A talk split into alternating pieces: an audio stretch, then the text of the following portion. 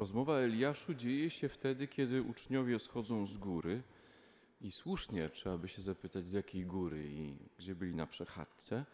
I chodzi oczywiście o górę przemienienia. Jak pamiętacie, na tej górze przemienienia uczniowie zobaczyli właśnie Jezusa, który rozmawia z Eliaszem i Mojżeszem, więc pytanie o Eliasza jest jakoś uzasadnione. Tak im się skojarzyło. A swoją drogą to rzeczywiście, czy on nie miał przyjść, ten Eliasz? Bardzo słusznie.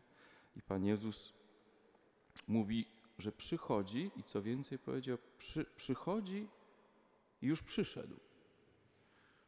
I od razu słyszymy, że e, w postaci Eliasza to niekoniecznie może chodzić o, yy, numerycznie tą samą osobę, ale kogoś, kto pełni funkcję Eliasza.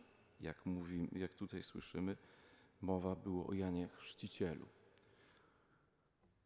Jezus tak nas przestrzega i mówi, co się stało z, z, Janem Chrzcicielem, a nie poznali go i postąpili z nim tak, jak chcieli. Nie poznali go. Czy można nie poznać Eliasza? Widocznie nie można. Można, można nie poznać. Widzimy tak e, i się zastanawiam, dlaczego, e, po czym poznano Eliasza na tej górze przemienienia. Chyba nie miał jakiegoś tam badża, Eliasz, drugi Mojżesz. Wszyscy byli z brodami, pewnie jakichś tam starych szatach. Czy dlatego, że Eliasz miał specjalny strój? Pamiętacie, że on ubierał się w, te, w tą e, płaszcz z sierści wielbłądziej. Do niego rzeczywiście e, Jan Chrzciciel nawet się upodabniał. Po czym poznać, po czym poznać Eliasza? Może po tym, co robi. Słyszymy o tym, i to dość ciekawe jest, i wcale nieoczywiste. Pierwsze zdanie, on głód na nich sprowadził. Eliasz to jest ten ktoś, kto sprowadza głód. Hmm. Nie brzmi atrakcyjnie. Więc prorok okazuje się, to jest ten ktoś, który sprowadza nas głód. Prorok nie jest kimś, kto jest niewygodny. Nic dziwnego, że tego e, z tym Janem Chrzcicielem też postąpili tak, jak chcieli. E, I ponieważ to jest Słowo Boże, które cały czas jest prawdziwe, więc ja stawiam Wam pytanie i sobie, ponieważ ten Eliasz przyszedł, przychodzi i będzie przychodził, e, gdzie jest Eliasz dzisiaj? Jakich proroków słuchamy? I to niekoniecznie musi chodzić o jakiegoś tam księdza mniej lub bardziej natchnionego, który krzyczy na ambonie, chociaż może wyglądać się, że jak ogień. Nie każdy ogień musi od Pana Boga pochodzić.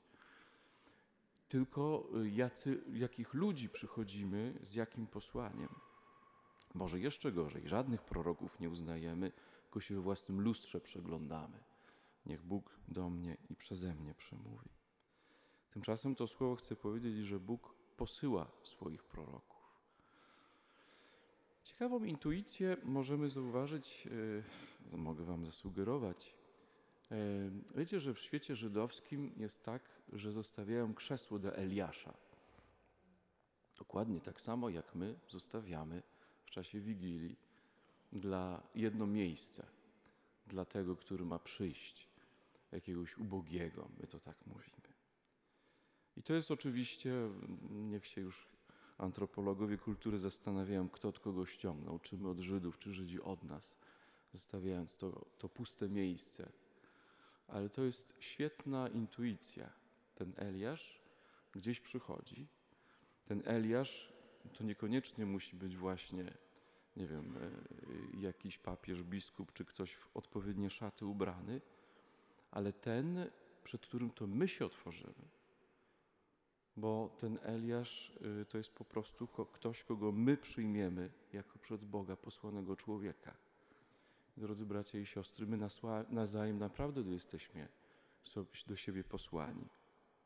Mamy ten taki płomyczek, każdy z nas, więc dlaczego nie być jak ogień? Dlaczego nie przyjąć tego, który obok mnie siedzi, jak tego proroka, który jest posłany jak ogień?